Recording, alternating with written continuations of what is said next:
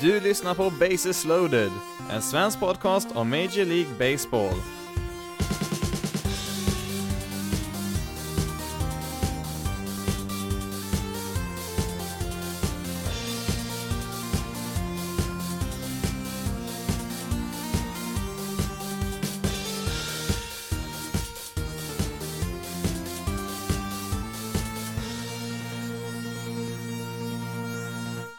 Och välkommen till veckans avsnitt av Bases loaded, en svensk podcast om Major League Baseball. I det här avsnittet ska vi kolla lite grann vad som hänt under veckan som gick och så blir det lite extra fokus eh, på en American League West. Vi börjar med lite tråkiga nyheter från den Dominikanska republiken för David Ortiz, den gamla storspelaren där, han sköts eh, på en nattklubb där i ryggen här förra veckan. Som tur är så verkar det väl ha gått rätt bra ändå med tanke på omständigheterna. Han fick ju visserligen lite skador på levern och gallblåsan där, men man tror väl att han ska kunna återhämta sig ganska bra efter det här. I efterspelet till det här så har han ju flugits till Boston då för att eh, få vidare behandling där. Även om man säger att Ortiz förväntas återhämta sig helt och hållet så finns det ju inga garantier för det. Det finns ju ganska stora risker att eh, man får vissa men för livet när det händer sådana här allvarliga saker, alltså både fysiskt och psykiskt. Det kanske inte syns eh, utifrån för, för oss andra, men för Ortiz själv så kan det finnas ganska mycket saker som kommer att eh, påverka hans framtida liv. Varför någon fick för sig att skjuta David Ortiz, ja det, det är ganska oklart i nuläget. Det sprids en hel del rykten och teorier kring vad som skulle kunna ligga bakom, men i nuläget så vet vi väl inget definitivt i alla fall och jag tänker väl inte direkt ta upp någon, några av de ryktena här så, utan det får vi väl helt enkelt vänta på och se vad polisens utredning säger där på Dominikanska republiken. Man har ju gripit ett eh, antal misstänkta där för det här dådet, men eh, som sagt, i nuläget så vet vi ingenting säkert och då är det ingen idé att ta upp några teorier heller tycker jag, så att eh, vi får helt enkelt låta polisen eh, rota i det här så får vi se kanske inom en snar framtid förhoppningsvis eh, vad som skulle kunna ligga bakom det här. Efter den här händelsen då så har ju Ortiz givetvis fått enormt mycket stöd från alla möjliga håll inom baseballvärlden. Han är ju en av eh, Dominikanska republikens mest omtyckta idrottsmän. Han är väl kanske en av de mest kända personerna till och med från det landet. Eh, och han har ju då fått som sagt hyllningar från i princip alla möjliga håll och kanter där, både från medspelare, motståndare och ja, i princip alla som har med baseball att göra egentligen har väl eh, sagt någonting om, om eh, David Ortiz. Han är väldigt omtyckt bland de som han är runt omkring framförallt människan David Ortiz som har, som man har fått höra väldigt mycket positivt om här nu de senaste dagarna. Om vi snabbt kollar tillbaka på Ortiz eh, karriär så inleddes ju den 1997 i Minnesota Twins, men eh, ja, de valde ju att släppa lös han där 2002 och eh, efter det så skrev han ju på med Red Sox där och ja, efter det så gick han ju och blev en av 2000-talets största profiler i MLB.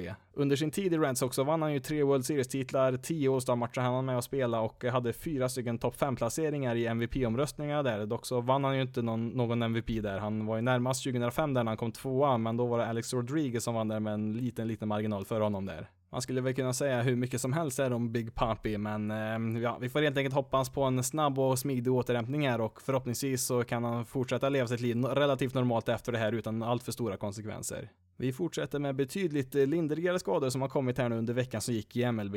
Först ut så har vi Los Angeles Dodgers eh, shortstop eh, Corey Seager som har sträckt en baksida i låret när han sprang på baserna här i en match förra veckan och eh, förväntas bli borta minst en månad och ja, förmodligen längre än så. Det har ju varit en del skador för Seager här nu det senaste året. Förra året så hann han ju bara att spela 26 matcher där innan han var tvungen att operera armbågen där som gjorde att han inte kunde spela något mer den säsongen och ja, han passade väl på att operera höften där också. Men just den här skadan kommer ju väldigt olägligt för Seager har ju varit riktigt het här nu på sistone för Dodgers. Seager hade ju en ganska trög inledning på säsongen här, men den senaste månaden så har väl i princip bara Mike Trout eh, spelat bättre än Seager, så att eh, det är verkligen dålig timing här på den här skadan. Rent praktiskt då för Dodgers så får väl Chris Taylor i första hand eh, ta hand om shortstop-positionen då när Seager är borta. Mm, Taylor fick ju spela mycket där förra året när Seager var skadad och det gjorde han ju väldigt bra, men i år så har han ju haft det väldigt svårt just som slagman i alla fall, så får vi se om man kan komma igång då och få spela regelbundet på den positionen där. Även om det är tråkigt att bli av med en spelare utav Seagers kaliber så, mm, ja, det lär väl inte ändra allt för mycket för Dodgers som det ser ut just nu. Man leder divisionen med en 10 matcher fortfarande så att man eh, ligger rätt bra till där ändå och eh, ja, Seager han behöver man ju som allra mest när det väl blir i oktober där så att eh, det ska väl inte göra allt för mycket nu och även om Chris Taylor inte skulle eh,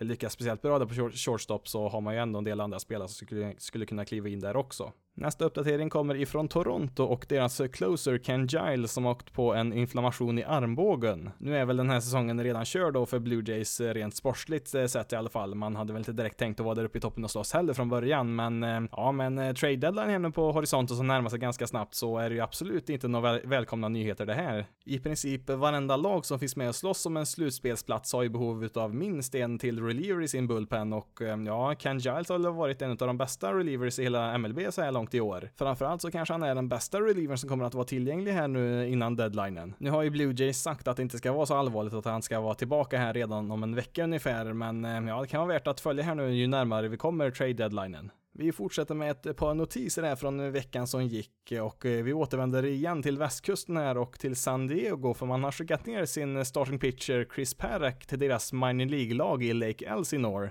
Det här laget skulle man kunna säga spelar i tredje divisionen bland alla minor League-ligor som finns där. Den högsta nivån där i minor Leagues det är ju AAA eller då trippel A som ganska logiskt eh, förkortas med tre stycken A, alltså AAA. Det är alltså då den högsta minor League-ligan som finns där. Eh, under det så kommer då AA, AA som förkortas då AA. Och sen så kommer då eh, High A som då Lake Elsinore spelar i som bara förkortas med ett A och ja, man brukar väl sätta ett plus bakom också för att visa att den är lite högre nivå utav A-ball. När vi ändå är inne på lite olika nivåer i minor League så kommer det även eh, under High A så kommer det då Low A och även Short Season A och ja, nu finns det väl ingen jättebra översättning på det här men om man skulle göra ett försök så skulle det väl se ut någonting i stil med att man har eh, hög A, låg A och eh, kortsäsongs A. Det finns alltså tre olika nivåer utav A-ligor skulle man kunna säga. Sen så finns det ju även ytterligare en nivå längre ner där som kallas för Rookie Ball som då är för, ja, alltså rookie-ligor som de allra yngsta spelarna spelar i då. Med andra ord, när man säger minor League så kan det betyda väldigt många olika saker eftersom det finns så många olika ligor och nivåer och ja, varje, varje MLB-lag har väl en 8-9 minor League-lag så att eh, som sagt, när man säger minor League så kan det betyda ganska många olika saker. Men om vi då återgår till Lake Elsinore i High A så får ju de då som sagt lite oväntat besök här utav Chris Paddock som har varit eh, riktigt, riktigt bra så här långt i MLB. Visst har det gått eh, lite sämre nu på sistone, eller ja, eh, ganska mycket sämre har det gått de senaste matcherna här. Han har ju tillåtit 12 runs på 14 innings de senaste tre matcherna och har ju tillåtit väldigt mycket homeruns här också på sistone. Nu kan det ju låta ganska drastiskt att skicka ner honom så här långt ner i deras minor League-system, men det finns ju ändå en tanke bakom här och det är att man behöver vila honom lite där. Han är ju redan uppe i 65 innings som ungefär hälften utav vad man tänkte att han skulle kasta i år. Perek fick ju genomgå en Tommy John-operation i armbågen där för ett par år sedan och eh, förra året så kastade han ju bara 90 innings så att han behöver ju stegra sin eh, ja, hur mycket han kastar här nu år för år så han kan inte gå från 90 till 200 innings på ett år, det funkar ju liksom inte, så att man har väl kanske tänkt att han ska komma upp någonstans i kanske 130-140 innings i år där, så att man vill väl spara lite på honom här nu för resten av säsongen också. Pratar ju också en hel del om eh, det här med service time, de första avsnitten av den här podcasten och ehm, ja, det är ju så här att Chris Paddock fick ju faktiskt vara med på deras roster från opening day och eh, det innebär ju då att om han skulle vara med där på deras roster hela säsongen så skulle han få ett år utav service time. Eh, skulle man istället vänta med vänta med att kalla upp honom tre veckor in på säsongen där så skulle han inte nå upp i den här service time-gränsen och då få eh, stanna kvar i Padres då minst ett år till där innan han blir free agent.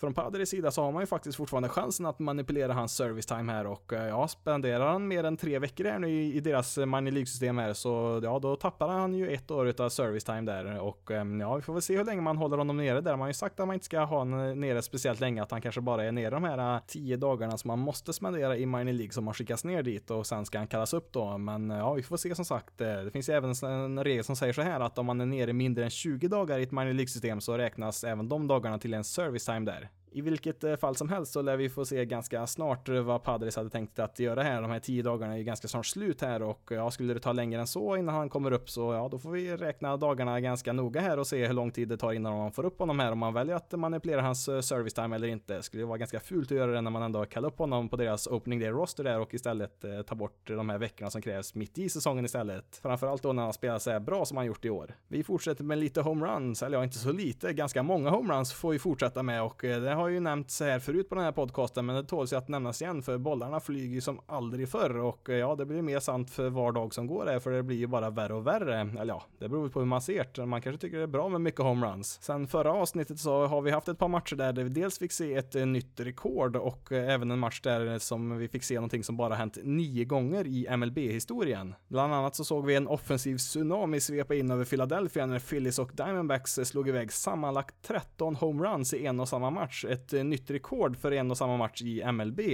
Eh, Diamondbacks slog ju då iväg åtta stycken där utav de där när de vann med 13-8. Sen så var det ju även i San Diego som vi fick se en snabb eh, störtskur utav homeruns. Vid ställningen 1-1 mellan Padres och Nationals i den åttonde inningen så hände det här. Howie Kendrick, left field, see you later! Off the facing of the scoreboard out there. Det följdes upp med det här. Oh, that quieted down the crowd and now Turner hits one deep to center. See you later! Sen så hände detta. Adam Eaton puts a charge into one. Out to deep center! See you three in a row! Back to back to back. Four to one. Men det var inte slut där, för sen så hände det här också. Rendon! Deep to right! You four in a row! Four home runs in a row. All solo shots turn a one-to-one game into a five-to-one game. Fyra homeruns för ett och samma lag under en hel match är ju ganska mycket, men eh, stackars eh, Craig Stammen där, Padres pitcher, han eh, tillät ju då fyra homeruns i rad på bara sju stycken kast. Och det är ju då bara den nionde gången som det här har hänt i MLB-historien, att man har slått iväg fyra homeruns i rad. Första gången som det här hände i MLB-historien var faktiskt så sent som 1961 och där hade vi ett par Hall of Famers inblandade den gången i Hank Aaron och Eddie Matthews. Det här hände två gånger till sen på 60-talet, men sen skulle det dröja över 40 år innan det skulle hända igen, 2006, och eh, då var det Dodgers som slog iväg fyra i rad och en av dem var faktiskt från Russell Martin som gjorde sin rookie-säsong där i Dodgers. Och eh, nu 13 år senare så har han faktiskt letat, letat sig tillbaka där till Los Angeles. Vi kanske kan se de här matcherna som ett eh, tydligt sommartecken och att värmen äntligen är här, för som vi har nämnt tidigare, när det blir varmt väder, då flyger bollen längre. Och i och med att vi var på rekordhastighet när det gäller homeruns redan innan sommaren så mm, ja, då kommer vi med allra största sannolikhet att krossa rekordet för antal homeruns under en och samma säsong i år.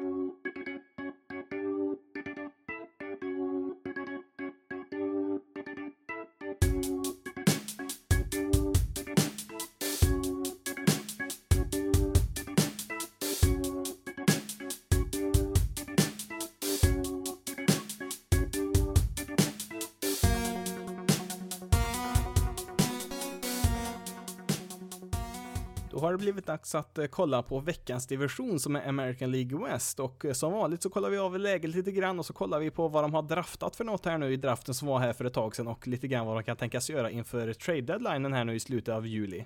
Vi börjar med Texas Rangers som har vunnit 38, förlorat 32, ligger nio matcher bakom Astros i tabellen där som ligger etta i American League West. Eh, sen så har man eh, två och en halv matchers eh, försprång där på Oakland där bak och man ligger faktiskt på den andra wildcard-platsen just nu i American League. Kollar vi på spelschemat här nu den närmaste tiden så är det först lite American League Central-motståndare här, Indians och White Sox den här veckan som kommer här nu och sen så har man faktiskt bara Angels som enda divisionsmotståndare här nu innan man tar ett litet paus där vid All-Star-matchen där om lite mindre än en månad. Rangers är väl ett av de lagen som har överraskat mest så här långt i år och det är på ganska oväntat håll också som man har fått bra produktion. Framförallt är det en hel del veteraner som man trodde kanske var slut i sin MLB-karriär som kom in på ett minor League-kontrakt och nätt och jämnt kom med på deras roster det som har bärt fram det här laget faktiskt. Framförallt då Hunter Penn som kanske gör sin bästa säsong någonsin och ja, även om det inte är den bästa säsongen så är han nog inte långt därifrån. Så han var ju en sån här spelare som man knappt trodde skulle få en plats i deras outfield där och i bästa fall kanske bli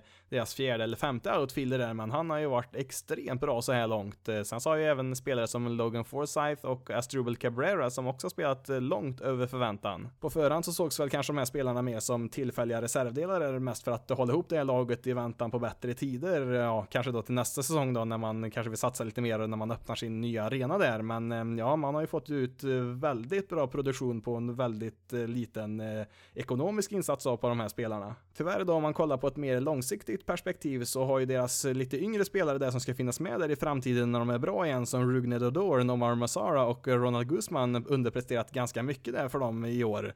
Eh, det är som sagt de här äldre spelarna som lyfter det här laget och gör att de finns med där och slåss uppe i toppen av tabellen trots att de inte egentligen har något där att göra. Ja, i alla fall om man kollar på hur laget såg ut eh, inför säsongen. På tal om lyft så, ja, Joey Gallo lyfte ju varenda boll som kom i närheten av strikezonen där eh, så länge han var hel där. Han har ju varit skadad skadad här nu ett tag, men han ska ju snart vara tillbaka där och han var ju stekhet där inledningsvis och var väl, ja, han var väl egentligen med där i MVP-racet till och med där så bra som han spelade där. Han har ju varit en bra spelare de senaste åren, men han har ju fått, verkar ju få sitt riktigt stora genombrott här i år. Inför den här säsongen så var en av de mest intressanta sakerna med det här laget eh, deras starting rotation. Man hade ju värvat in en hel del eh, tunga profiler från förr som dessvärre på sistone här har haft ganska allvarliga skador. Det var ju en Tommy John operation efter den andra på alla de här spelarna som fanns med där i deras eh, starting rotation på opening day. Inte helt oväntat så har det väl inte varit så jättebra utdelning på deras eh, free agent-förvärv där i deras rotation. Edison Volkes har ju varit skadad i princip hela säsongen. Drew Smiley har ju varit katastrofal där i deras rotation och hamnat i deras bullpen här nu alldeles nyligen och ja, Shelby Milder han hamnade i deras eh, bullpen lite tidigare han också. Men om vi istället kollar i toppen utav deras eh, nuvarande rotation så hittar vi då Lance Lynn och Mike Miner som har varit riktigt, riktigt bra. Utan de två så hade de ju absolut inte varit så här högt upp i tabellen.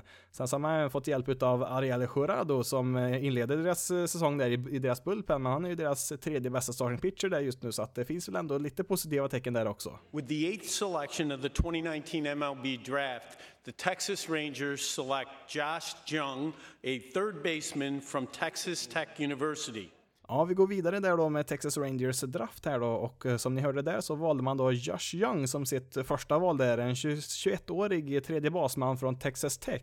Young har väl producerat ganska bra samtliga tre år på college som han har spelat, men han gick väl ändå ganska tidigt i den här draften. Man har väl trott att han skulle gå kanske närmare någonstans val 15 till 20 där istället för nummer 8 där till Rangers, men eh, sen så gick väl ryktet också att Rangers letar efter en spelare som de kunde betala lite mindre till för att ta lite mer pengar eh, till senare val där som man valde avsiktligt kanske en lite, lite sämre spelare än vad, än vad man skulle kunna ha valt på den positionen. Trots att Young är en eh, ganska stor växt eh, tredje basman så finns det betydligt mindre styrka där än vad man skulle kunna tro, i alla fall i nuläget. Eh, däremot så ska han kunna slå för ett relativt högt average i alla fall. Finns lite delade meningar om hans försvarsspel. Anses väl vara ganska bra när han väl kommer till bollen. Har ju bra händer och så rejäl styrka i armen där som gör att han kan göra de här långa kasten från tredje bas där. Men däremot så saknar han väl fotarbetet i nuläget där och för att vara en sån här riktigt elitförsvarare där på tredje bas. Men han ses väl i nuläget att kunna kanske bli en genomsnittlig försvarare där i alla fall. Med sitt andra draftval så valde man Davis Wenzel, en 22-åring från Baylor och även han är en tredje basman. Är väl inte något jättebra på något speciellt så, men är väl kapabel till att göra det mesta helt okej okay på planen. Wenzel förväntar sig väl kanske bli eh, lite bättre än en genomsnittlig slagman, men eh, han behöver likt Josh Young där då hitta lite mer styrka i sin sving där. Han har väl inte riktigt den här eh, homerun-styrkan där som krävs i MLB men ja, ja, det är väl hans största såget just nu i alla fall. Eh, sen kollar man rent defensivt så gör han väl det mesta bra och han har väl dessutom spelat på lite andra infield-positioner tidigare och det finns även de som tror att han eventuellt skulle klara av att spela som catcher, vilket skulle kunna göra honom väldigt mångsidig. Kollar vi på Rangers draft i sin helhet så var det framförallt pitchers man var ute efter. 33 utav deras 41 draftval var ju pitchers i den här draften och eh, man tog faktiskt också en hel del high school-spelare här i draften. Lite längre bak då i och för sig, men eh, lite mer än de flesta lagen brukar välja. Om vi istället kollar på vad Rangers eh, skulle kunna tänka sig att göra inför trade deadlinen så är det ett ganska intressant fall. De är ju lite grann i samma situation som Arizona Diamondbacks som vi nämnde förra veckan. Båda de här lagen hade väl inte direkt tänkt sig från början att vara med i slutspelsracet i år, men eh, ja, nu har det gått en bit in på säsongen och de är ju med där båda två där och slåss ganska högt upp och eh, ja, Rangers är ju som sagt på, på en eh, wildcard-plats redan nu, men ja, visst det är ju roligt med framgångar, men man är inte direkt i någon position att göra sig av med prospects så här för den här säsongen. Nu har man väl kanske inte helt och hållet bestämt sig vad man ska göra från Rangers sida här nu innan deadlinen, men ja, man har ju en och en halv månad kvar där så att man lär väl säkert eh, spela ut så långt man kan där och se om man fortfarande är med i racet där när man närmar sig där sista juli när det är trade, trade deadlinen är. Om Rangers väljer att satsa mot eh, slutspel så behöver man väl få in en hyfsat skaplig starting pitcher i alla fall i deras rotation och sen skulle man ju absolut behöva uppgradera deras catchers. De har ju ligans överlägset eh, sämsta catcher-duo där som inte har producerat eh, någonting varken offensivt eller defensivt man skulle kunna värva in i princip vem som helst så hade det blivit bättre där. Kollar vi på vad Rangers har underifrån i deras minor League-system så finns det inte speciellt mycket hjälp där som man kan få utav deras topp 10 prospects där så är väl i stort sett ingen redo eller så är de redan uppe i deras deras eh, Major League-lag. Den senaste spelaren man kallade upp där var Joe Palumbo som gjorde sin MLB-debut här nu i veckan mot Oakland och han gav ju upp eh, fyra runs på lika många innings där och eh, ja, han kanske kan ta en plats i deras rotation där i framtiden men i år är han lite begränsad framförallt eftersom han hade en Tommy John-operation där förra året som gör att han inte kan kasta så här jättemånga innings där i år, men han är inte direkt någon lösning på deras säsong i år verkar det ju som. Från Rangers sida så har man ju gått ut och sagt i media att man är ute efter kontrollerbara pitchers, alltså pitchers som har flera år kvar innan de blir free agents och ehm, ja, det enda sättet eh, som eh, de kommer få bra sådana pitchers det är om man tradar bort eh, Mike Miner och Lance Lynn som redan är i deras starting rotation och ja, tradar man bort de två så ger man ju upp den här säsongen. Samtidigt så är det väl tveksamt om Mike Miner och Lance Lynn kommer ha så mycket högre värde än vad de har just nu så att det är väl kanske lika bra att passa på att få maximalt värde utav de här två inför framtiden. Nu vill man ju alltid att så många lag som möjligt ska finnas med och slåss om en slutspelsplats, men om vi kollar på det lite realistiskt så um, ja, jag, jag ser inte riktigt uh, varför man ska satsa uh, fullt ut på den här säsongen. Det är en sak om man kanske uh, förbättrar laget lite i marginalerna så här, få in kanske någon gammal veteran till där som kan hjälpa resten av året här, men ser vi på det långsiktigt för Rangers som organisation så tror jag nog ändå att det bästa skulle nog vara att sälja av de spelarna man kan här för att, så att man har så många bra unga spelare som möjligt där och kunna göra en rejäl satsning här då de kommande åren istället och ja, framförallt då från nästa år då när man har en ny arena där som man inviger. Vi hoppar vidare till Seattle Mariners. 30 vinster, 44 förluster, 20 matcher bakom Astros där i toppen av tabellen och eh, ja, man har ju sex matcher bara upp till fjärdeplatsen där i divisionen. Det Blir ju en del rejäla bottenmöten här nu under veckan. Först mot Royals och eh, sen mot Baltimore Orioles, men om vi kollar på spelschemat till nästa vecka, ja då blir det lite värre för då ska man spela först mot Brewers och sen mot Astros på bortaplan. Inte helt oväntat då så har ju Mariners eh, kommit ner lite på jorden här nu, eller ja, inte så lite, man har väl kraschat ner här och ehm, ja, det, det var ju en väldigt bra inledning på säsongen, det var det ju. Man hade ju 13 vinster, två förluster där ett tag, men ehm, det var väl ingen som trodde att man skulle kunna fortsätta i, i den takten så. Och eh, ja, nu är man ju mycket riktigt längst ner i, i tabellen där och ja, nu hade jag väl kanske inte trott att de skulle vara riktigt så här dåliga som de har varit nu på sistone i alla fall. Nu har man ju visserligen drabbats av lite eh, småskador, eller ja, ganska många småskador faktiskt på sistone här som har gjort att det gått lite sämre också givetvis, eh, men det finns lite positivt också. Man har ju en del eh, nyförvärv där i deras lineup som har varit rätt bra, framförallt Omar Narvaez, deras catcher där har ju varit eh, betydligt bättre än vad man hade trott och ja, Domingo Centeno där från Brewers har ju varit rätt bra i deras outfield också. Mm, ja, man ska väl säga att de har varit bra offensivt i alla fall. Mariners är väl förmodligen det sämsta laget defensivt i ligan just nu. Kollar vi på deras nyförvärv i deras starting rotation så ser det ju inte lika bra ut där. Yusei Kikuchi tog man ju in från Japan där och ja, han har ju varit väldigt ojämn än så länge Jag har haft eh, ganska tungt eh, framförallt i hans senaste starter och eh, tillåtit framförallt väldigt mycket homeruns så här långt. Traditionellt sett så har väl japanska pitchers haft det ganska svårt under sin första säsong i MLB när de kommer över från Japan där och förhoppningsvis då för Mariners del så är det väl kanske det som har drabbat Kikuchi här också att det är lite svårt att anpassa sig här första säsongen och förhoppningsvis så är han väl då bättre i framtida säsonger då. With the 20th selection of the 2019 MLB draft the Seattle Mariners select George Kirby, a right-handed pitcher from Elon University. Mariners eh, första draftval, hörde ni där? På plats nummer 20 så valde man 21-årige George Kirby, en högerhänt pitcher från Elon University och eh, det är faktiskt bara en enda spelare på hela 2000-talet som har kommit från den skolan som har nått till MLB. Kirby har ju också hunnit med att skriva på sitt eh, kontrakt där för Mariners. Han fick då en bonus på 3,2 miljoner dollar, vilket är då slottvärdet på den här positionen, positionen som han draftades där på. Varje draftval är ju kopplad till en viss summa pengar där. Sen så kan man ju då välja om man vill erbjuda mer eller mindre än den summan, men eh, Kirby fick ju då de här, eh, den här summan pengar som är kopplad till det 20 valet där. Kirby spelade rätt bra redan förra året där, men han slog igenom rejält här nu under sin sista college-säsong här nu under våren och han, han hade faktiskt eh, landets bästa strikeout till walk ratio i hela landet. Strikeout till walk ratio, det är alltså ett sätt att mäta på hur många strikeouts en pitcher kastar för varje walk den tillåter och eh, kollar vi på Kirby då så för varje walk som han tillät så kastar han 16 strikeouts vilket är enormt högt. Om vi jämför med MLBs bästa pitchers så här långt i år så ligger deras eh, strikeout till walk ratio någonstans mellan 5 till 7 strikeouts för varje walk som de tillåter och det, ja, det är betydligt lägre än det vad, än det vad eh, Kirby har gjort på, på college-nivå. Sen så finns det ju faktiskt ett undantag när det gäller alla pitchers i MLB i år och det är ju Hunjin Ryu som vi nämnde förra veckans avsnitt där, Dodgers starting pitcher. Hans eh, strikeout to walk ratio ligger på 15,4 vilket, ja, det är förmodligen inte hållbart men det, då kanske man förstår hur pass bra han faktiskt har varit så här långt i år. Om vi då återgår till Kirby så har väl han eh, främst eh, levt på sin eh, fastball så här långt i sin karriär och den kan variera en hel del i hastighet där, allt från strax över 90 miles per hour till ja, uppemot 95 ibland. Sen så har väl han inte fått absolut bästa motståndet där på college så att hans statistik där kommer väl kanske inte riktigt vara på samma nivå som den har varit tidigare där. Kirby har ändå en riktigt bra förmåga att kasta strikes men när han kommer upp på professionell nivå här nu så måste han ju framförallt utveckla sina andra kast där också, sin curveball och slider framförallt som han måste utveckla där. De anses väl kanske vara genomsnittliga i nuläget där, så att han behöver ju framförallt jobba på dem där och eh, går det som det, som det ska där så kanske han kan bli en tredje eller fjärde starting pitcher där i någon rotation. Med sitt andra val på plats nummer 59 så valde man Brandon Williamson, en 21-årig vänsterhänt pitcher från TCU. Williamsons eh, säsong har varit ganska svajig här nu innan draften. Han eh, opererade ju höften i höstas så att eh, han har väl kanske inte riktigt kommit tillbaka från det än, men med det sagt så har han en fastball som ska vara, kunna vara riktigt, riktigt bra, men har eh, stundtals problem att hålla uppe hastigheten där längre in i matcher. Utöver sin fastball då så har han väl en slider och curveball där som ska vara helt okej, okay, inget märkvärdigt eller så, men han är 1,95 lång där så han har ju tid att eh, bygga på sig en del här de närmaste åren och eh, ja, likt eh, Kirby där på första valet där så kan han väl kanske bli en tredje eller fjärde starter här i framtiden.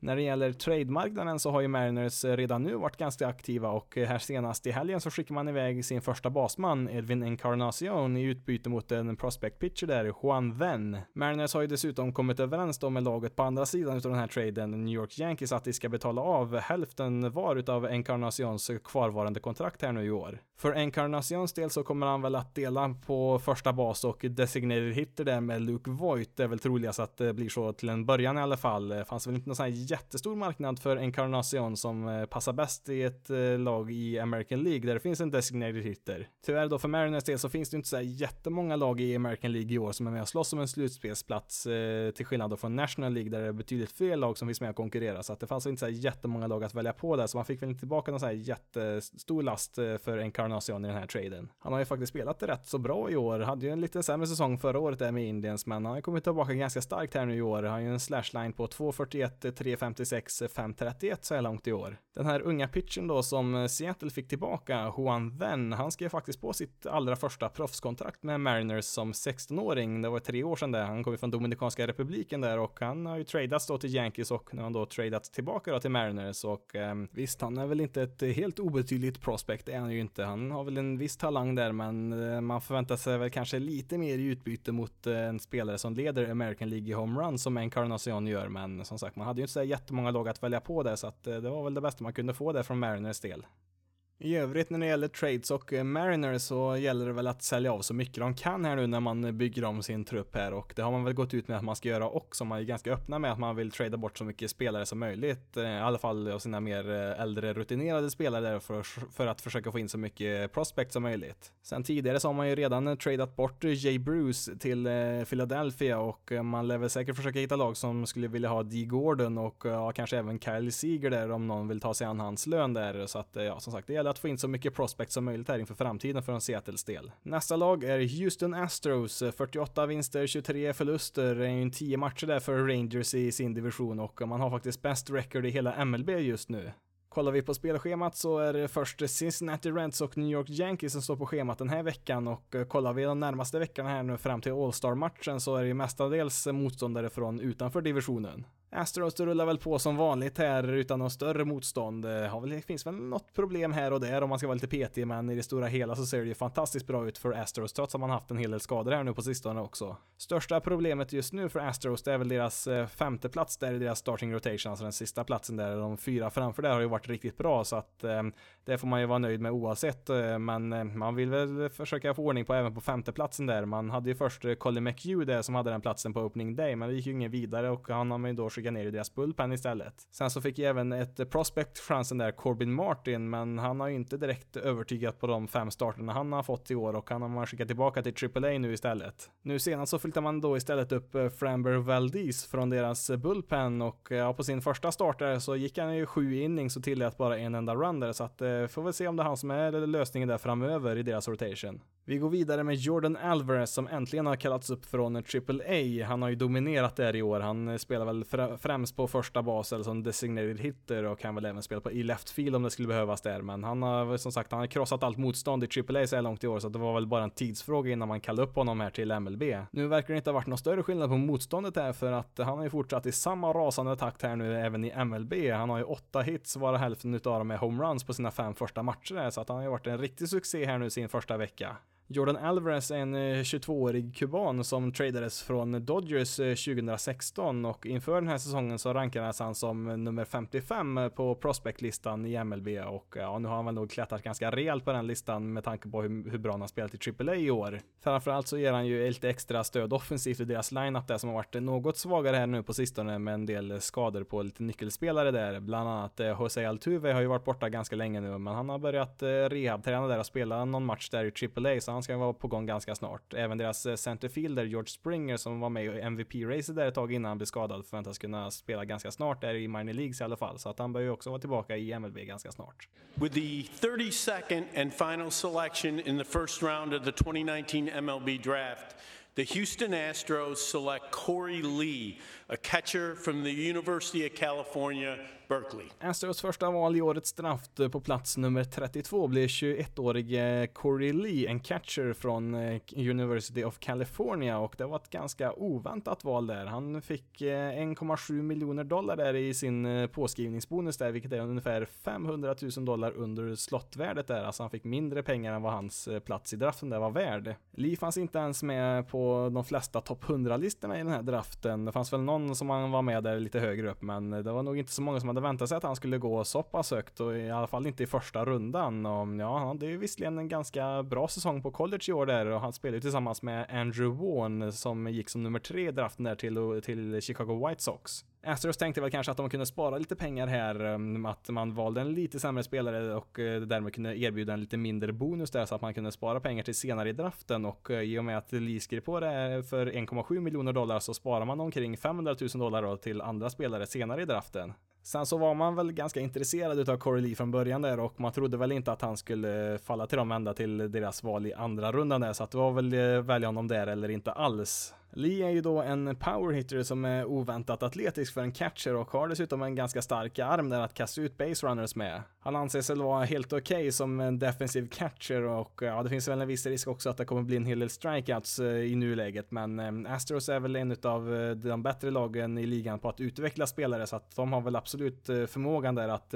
kunna förbättra de här e-, egenskaperna för Corey Lee. I den andra rundan på val nummer 68 så valde man Gray Kessinger, en 22-årig shortstop från Mississippi och eh, han skrev på för 750 000 dollar, något under slottvärdet där som ligger på 950 000 dollar så att eh, han eh, man sparar in lite, lite pengar, 200 000 dollar som man kan använda på andra spelare där. Hans farfar Don Kessinger spelade även han i MLB på 60 och 70-talet, mestadels med Chicago Cubs och han var faktiskt en All-Star där sex gånger så att det finns lite tradition där i familjen kring MLB.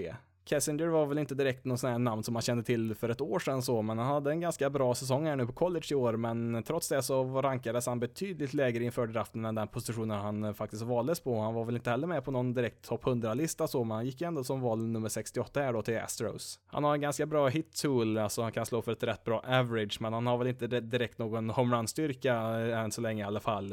Han eh, tros väl kunna spela shortstop rätt okej, okay, men på sikt så lär han väl kanske hamna på andra bas där han lär kunna spela lite bättre. Kanske kan bli en utility infielder också i framtiden. Från Astros del så satsade man ganska tydligt på college-spelare i den här draften. Utav de eh, 17 första valen som man gjorde så var bara en en high school-spelare och eh, totalt så valde man bara fem stycken high school-spelare i hela draften. En av de här få high school-spelarna som man faktiskt valde, Colin Barber, en outfielder, han valde man i den fjärde rundan som val nummer 136 i den här draften och han skrev på för en bonus värd en miljon dollar trots att slottvärdet på hans draftposition där var 400 000 dollar. Barber hade blivit lovad innan draften att eh, få en plats på Oregon State som är ett av de bättre college-lagen i nuläget. Eh, för övrigt eh, samma lag som första valet i draften Adley Rutschman spelade för. Därmed så kunde ju Barber kräva en större bonussumma där från Astros eh, för att han skulle skriva på för dem istället för att fortsätta spela på ett bra college. Kollar vi på hur mycket pengar man sparade in där för, från Astros sida på deras två första draftval där på Leo Kessinger så ser vi att eh, den, det är ungefär lika mycket pengar som eh, Colin Barber fick utöver den rekommenderande slottbonusen där som var på hans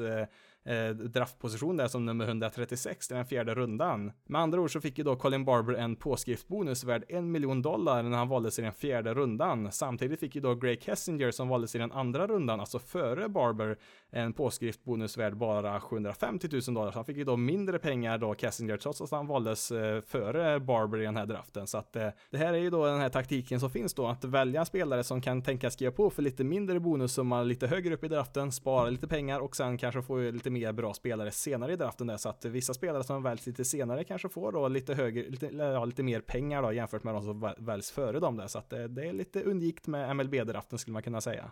På trademarknaden så har väl inte Astros där jättemycket eh, behov just nu. Ändå så går det väl lite rykten om att man är ute efter en starting pitcher där, en nummer tre i deras rotation där bakom Garrett Cole och Justin Verlander. Men ja, man har väl inte något extremt stort behov där ändå. Det har man väl inte. Man har ändå fyra ganska bra starting pitchers där som det ser ut just nu, men man, visst, man kan ju alltid bli bättre. Möjligtvis så kanske man har en liten svaghet där på första bas och designated hitter. Nu har ju man ju visserligen fått upp Jordan Alvarez då som skulle kunna ta en av de platserna, så har man ju även Julie Gurriel där på någon av de positionerna där, men man har ju i nuläget då också Tyler White som har varit en ganska stor besvikelse där i år. Om vi kollar på vad som skulle kunna finnas tillgängligt där på första bas eh, till deadlinen så ja, Justin Smoke i Blue Jays eh, kommer förmodligen att bli tradad och om White Sox eh, bestämmer sig för att sälja av lite spelare så kan ju Jose Abreu också bli tillgänglig. Vi fortsätter med Los Angeles Angels som har vunnit 35 matcher, förlorat 36, ligger i nuläget 13 matcher bakom Astros i tabellen där i American League West och är också 3,5 match bakom eh, en wildcard-plats. Närmaste veckan så möter man Blue Jays och Cardinals och ja, kollar vi de närmaste veckorna här nu fram till All-Star-matchen där så är det relativt tufft schema som man har, bara en ledig dag fram tills dess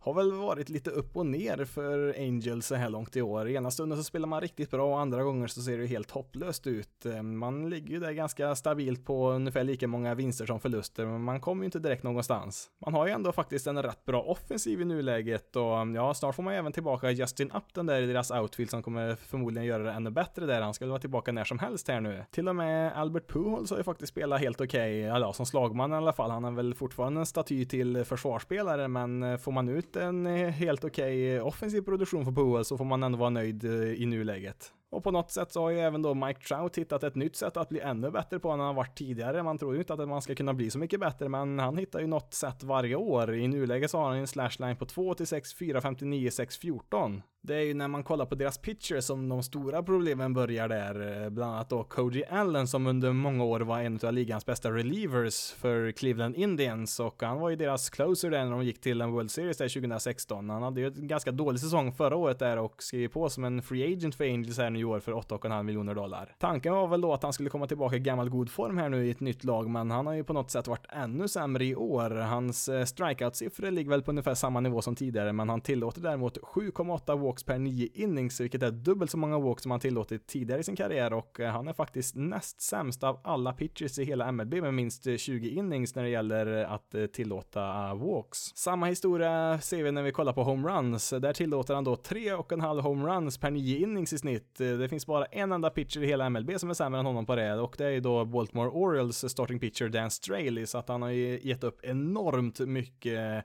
Eh, homeruns eh, de innings han har kastat så här långt i år. Men nu ser det väl inte ut att bli någon mer innings i Angels i alla fall. Han har ju varit en av ligans absolut sämsta pitchers i år, Cody Allen, och eh, ja, Angels har ju helt enkelt fått nog här och valt att slänga ut honom från deras roster där och vi får väl se om det är någon som ens vågat plocka upp honom resten av säsongen här. Om det finns något positivt med Angels pitchers så är väl då Griffin Canning som han plockade upp här tidigare i år och han har ju varit riktigt bra i deras rotation där och ett ganska högt rankat prospect och han har ju hunnit med åtta starter och imponerat ganska rejält och han är väl redan nu förmodligen deras bästa starting pitcher. Men eh, nu hjälper det ju inte direkt med bara en starting pitcher där, men det ser väl ändå lite lovande ut för framtiden där och till nästa år så kommer ju även eh, Shohei Otani tillbaka där. Han kan ju inte använda, användas som pitcher i år eftersom han har eh, opererat armbågen där, men han har ju däremot varit riktigt het som slagman här nu på sistone. Han blev för övrigt den första japanska spelaren någonsin att slå en cycle här nu förra veckan. With the 15th selection of the 2019 MLB draft the Los Angeles Angels select Will Wilson,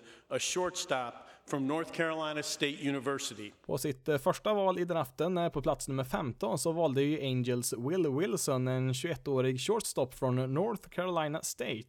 Wilson är väl ganska småväxt i nuläget, men har förvånansvärt mycket styrka i svingen där och kan slå för ett rätt bra average också. Eh, har ju visat en klar förbättring i sin förmåga att ta flera walks i år också. Wilsons största svaghet i nuläget är hans snabbhet, eller snarare hans brist på snabbhet. Eh, shortstops brukar ju ha betydligt bättre fart i benen än vad Wilson har, men han har ganska bra reaktioner och är skicklig med händerna där, så att han bör kunna klara av shortstop ganska bra där, annars så lär han väl hamna på andra bas där i framtiden. Med sitt andra draftval, nummer 55 i årets draft, så valde man man Kyron Paris, en shortstop från Freedom High School i Kalifornien och han är en, en av de yngsta spelarna i hela draften här. Han fyller ju 18 här nu i höst gör han. Paris har ju faktiskt skrivit på redan för Angels här och han fick ju då en påskriftbonus värd 1,4 miljoner dollar, vilket var 100 000 dollar mer än vad som är rekommenderad på hans eh, draftposition där, så att eh, han fick ju då lite extra därför istället för att eh, spela på college. Paris är väl bra på det mesta egentligen. Den svagheten som finns, det är väl att hans styrka i svingen inte riktigt finns där än och det behöver han väl förbättra i deras minor League-system där, man är ju så pass ung så att det finns ju ganska god tid att jobba på det. Får han ordning på sina egenskaper där som slagman så kan Paris bli en riktigt bra då han är riktigt duktigt defensivt i nuläget och är också relativt snabb. Om han inte lyckas få ordning på offensiven där så har han väl ändå chans att kunna ta en plats på en MLB-roster som ett eh, defensivt alternativ på deras bänk.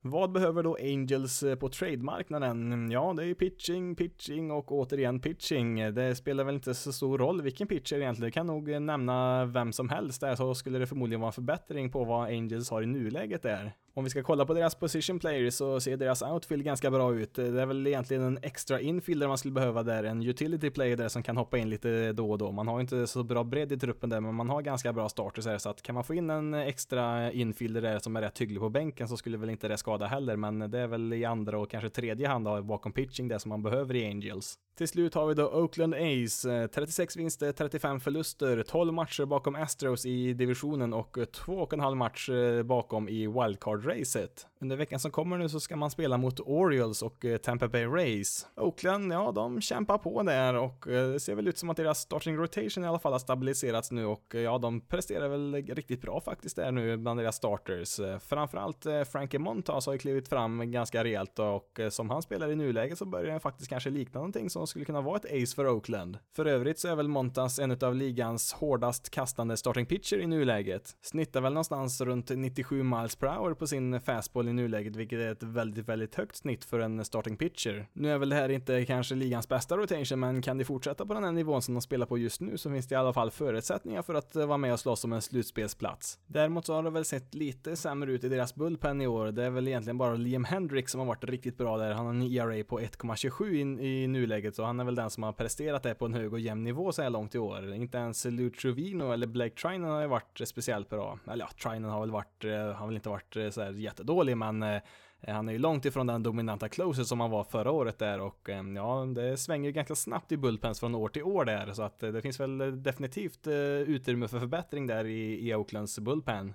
Sen så har vi lite goda nyheter från deras minor League-system. Eh, AJ Puck och Jesus Luzardo, två väldigt högt rankade pitching prospect, har ju börjat kasta i minor Leagues här nu, lite rehab-starter och eh, de skulle ju kunna tänkas förstärka här nu under säsongen. Eh, nu har ju visserligen båda haft ganska allvarliga skador här nu ganska nyligen så att de får väl inte kasta allt för många innings här nu och det finns väl kanske någon chans att någon av dem kanske hamnar i Oaklands bullpen här nu i år och kanske kör igång som starting pitcher på MLB-nivå först nästa säsong. With the 29th selection selection of the 2019 MLB draft, the Oakland Athletics select Logan Davidson, a shortstop from Clemson University. Med sitt första val i draften så valde ju Oakland eh, Logan Davidson på plats nummer 29 i årets draft. Eh, fyller 22 i vinter, en shortstop från Clemson och han har skrivit på sitt kontrakt värt eh, 2,4 miljoner dollar, vilket är samma värde som är på den draftpositionen där. Davidsons största problem i nuläget är att han inte producerat alls när han spelat med slagträd gjorda utav trä. Det är ju så här att på college så spelar man ju med slagträd gjorda utav aluminium och det är inte alla spelare som klarar av den övergången till trä då som som man spelar när man draftas till MLB.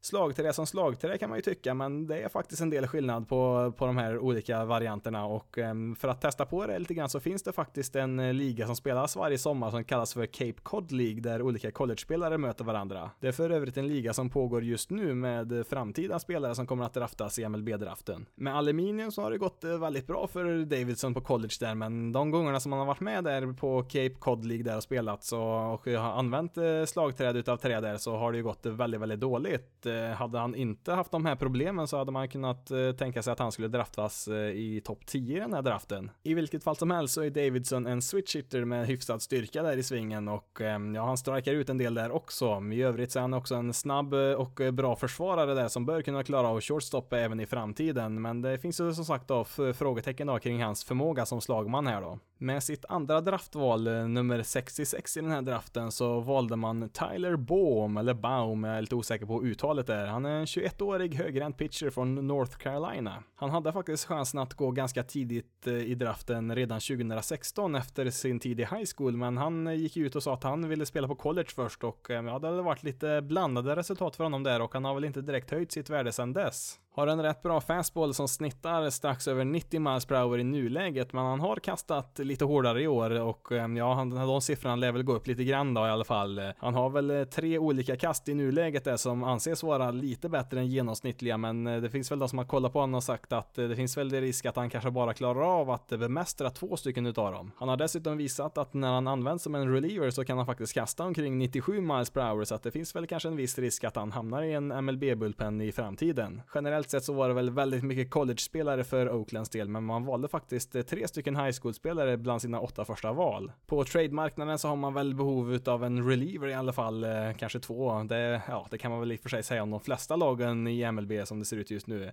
Eh, sen skulle man väl eh, kanske kunna behöva en, eh, en offensiv spelare till. Eh, position, ja, det är väl vilket som egentligen. Det, det har väl sett helt okej okay ut rent offensivt så, inget märkvärdigt. Så man skulle väl kanske behöva få in någon, någon rejäl slagman där någonstans. Eh, kanske på andra bas där, Jerkson Profar har inte varit speciellt bra så här långt i år, så att där skulle man kanske kunna få in något bättre, i alla fall året ut.